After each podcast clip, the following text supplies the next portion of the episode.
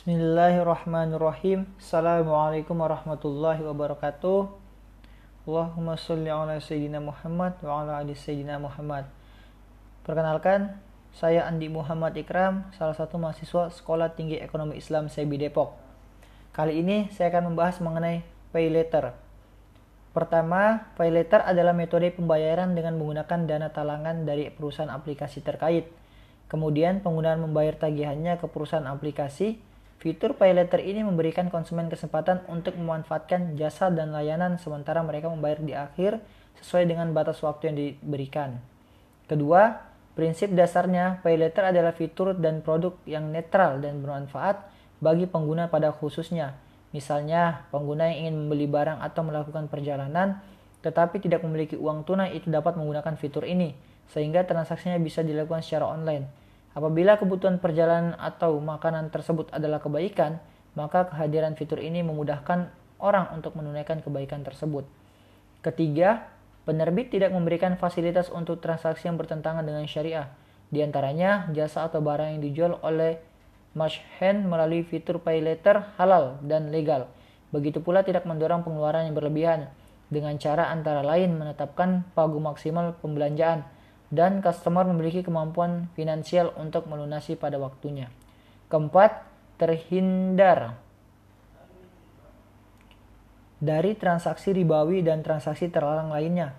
Oleh karena itu, penerbit pay letter tidak menjadi kreditor yang mendapatkan keuntungan berupa bunga atau jasa pinjamannya kepada pengguna.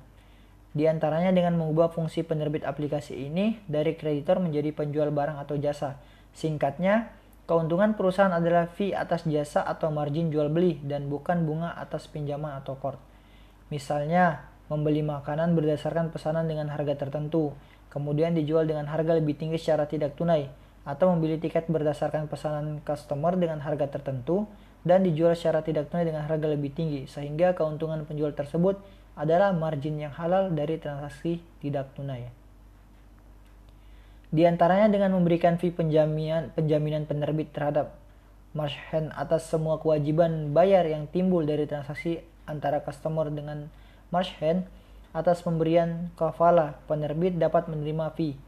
Kelima, sesuai dengan peraturan perundangan, di antaranya mendapatkan penegasan kesesuaian syariah dari otoritas terkait regulator serta otoritas fatwa Indonesia atau otoritas fatwa di Indonesia DSN MUI sehingga memberikan kenyamanan kepada para customer karena telah mendapatkan legitimasi dari otoritas.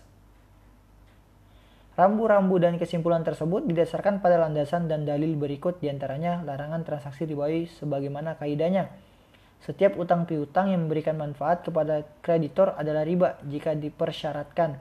Begitu pula kebolehan fee penjamin penerbit tersebut sesuai dengan pendapat Mustahafah Al-Hamsyari bahwa penjaminan dengan imbalan didasarkan pada imbalan atas jasa, dignity atau kewibawaan atau didasarkan pada jualah yang dibolehkan dalam mazhab Syafi'i. Hal ini sebagaimana yang ditegaskan oleh Athiyah Syakhar.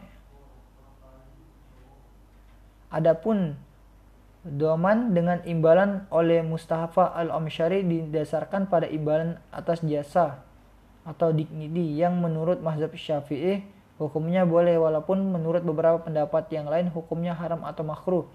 Mustahapa al-Hamsyari juga menyadarkan doman dengan imbalan pada jualah yang dibolehkan oleh mazhab syafi'i.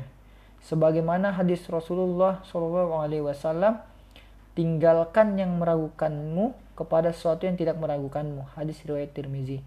Sebagaimana juga fatwa DSN MUI nomor 45 garis miring DSN strip MUI strip 10 strip 2006 tentang syariah court atau tentang syariah court dan keputusan lembaga fikih OKI nomor 51 2 per 6 1990 yang per, memperkena yang memperkena yang memperkenakan yang memperkenankan harga jual tidak tunai lebih tinggi daripada harga tunai.